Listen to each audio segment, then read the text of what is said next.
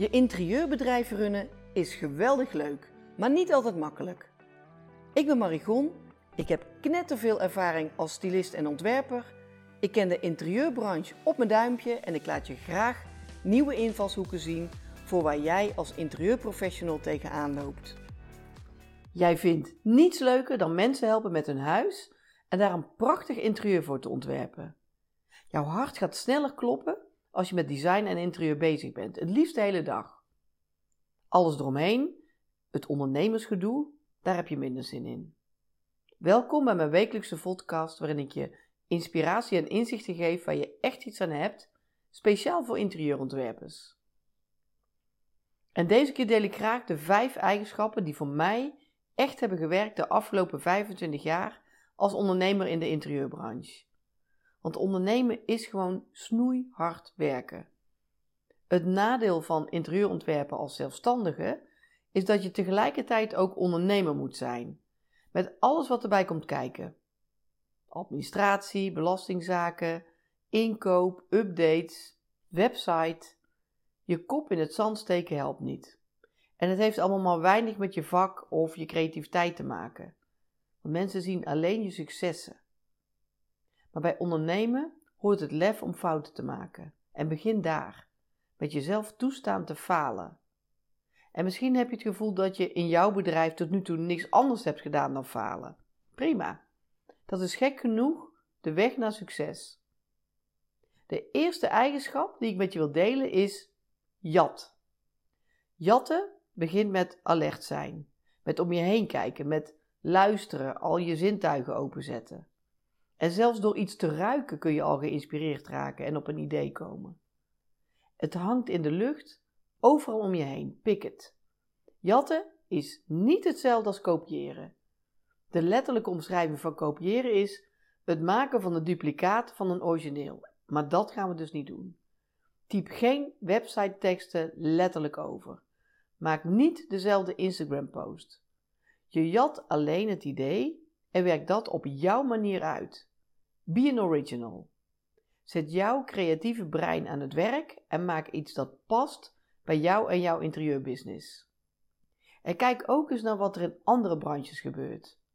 Een advertentie van een restaurant, een goed idee van een schoonheidssalon of een lokale actie bij de groenteman. En dat geeft zeker weten inspiratie. Eigenschap nummer 2. Vraag. Mensen doen niets liever dan andere mensen helpen. En dat is echt waar.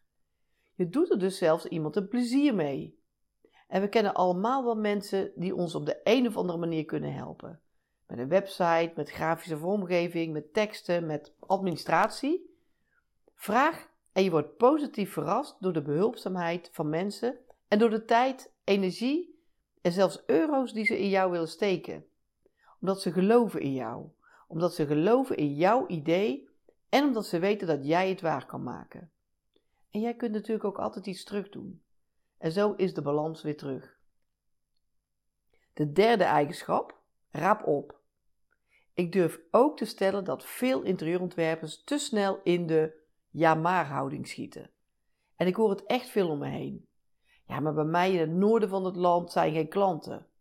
Ja, maar mijn klanten willen dat niet. Ja, maar mijn klanten betalen niet voor mijn advies. Ja, maar wie leest nou mijn blog? Ja, maar jij hebt makkelijk praten. De oorzaak dat iets niet zo goed van de grond komt, ligt meestal niet aan omstandigheden.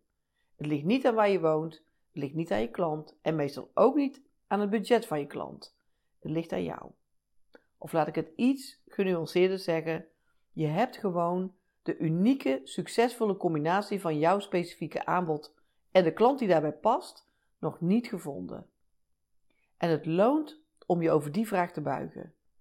Misschien trek je wel klanten aan die perfect bij jouw aanbod passen, maar zijn het niet de klanten waar je blij van wordt. En dat schiet niet op.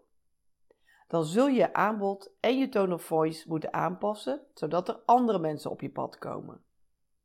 En bij iedereen komen gelukjes langs, maar je moet ze wel herkennen als een gelukje.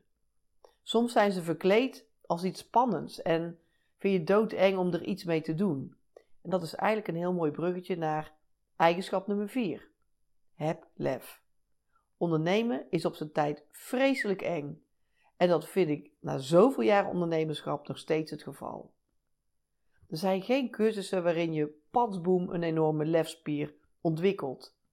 Je kunt er wel trainen, gewoon door met kleine uitdagingen te beginnen. Blijf jezelf stretchen, daar word je elastisch en soepel van.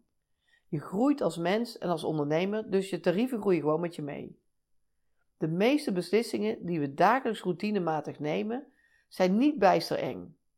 Het wordt pas spannend als er door te kiezen iets wezenlijks gaat veranderen.